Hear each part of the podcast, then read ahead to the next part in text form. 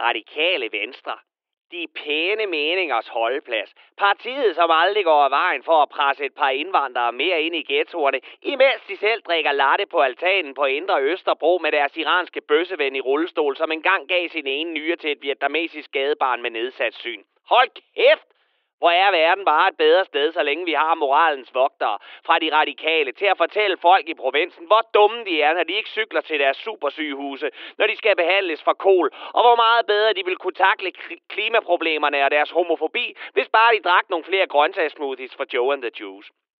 Og skulle vi så ikke lige alle sammen takke dem og Sofie Karsten Nielsen, forkvinden, der altid lyder som om hun har et klædt stykke drømmekage siddende i halsen. Lad os takke dem og hende, for at vi nu endelig har fået et folketingsvalg.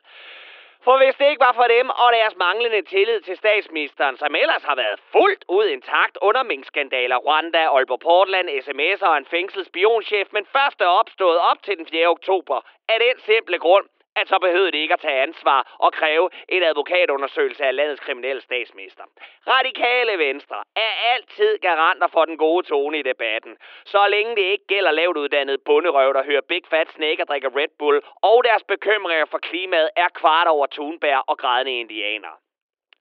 Men siden deres tidligere formand blev taget med mælketænderne i låret på Lotte Rod, er også MeToo rykket tæt ind i partiet med en liderlig og glupsk danseglad Martin Lidegaard og voldtægtsforbryderen Christian Hegård ved roret. Heldigvis er udskamning en lige så vigtig del af radikales venstre DNA som deres evne til at dolke hinanden i ryggen.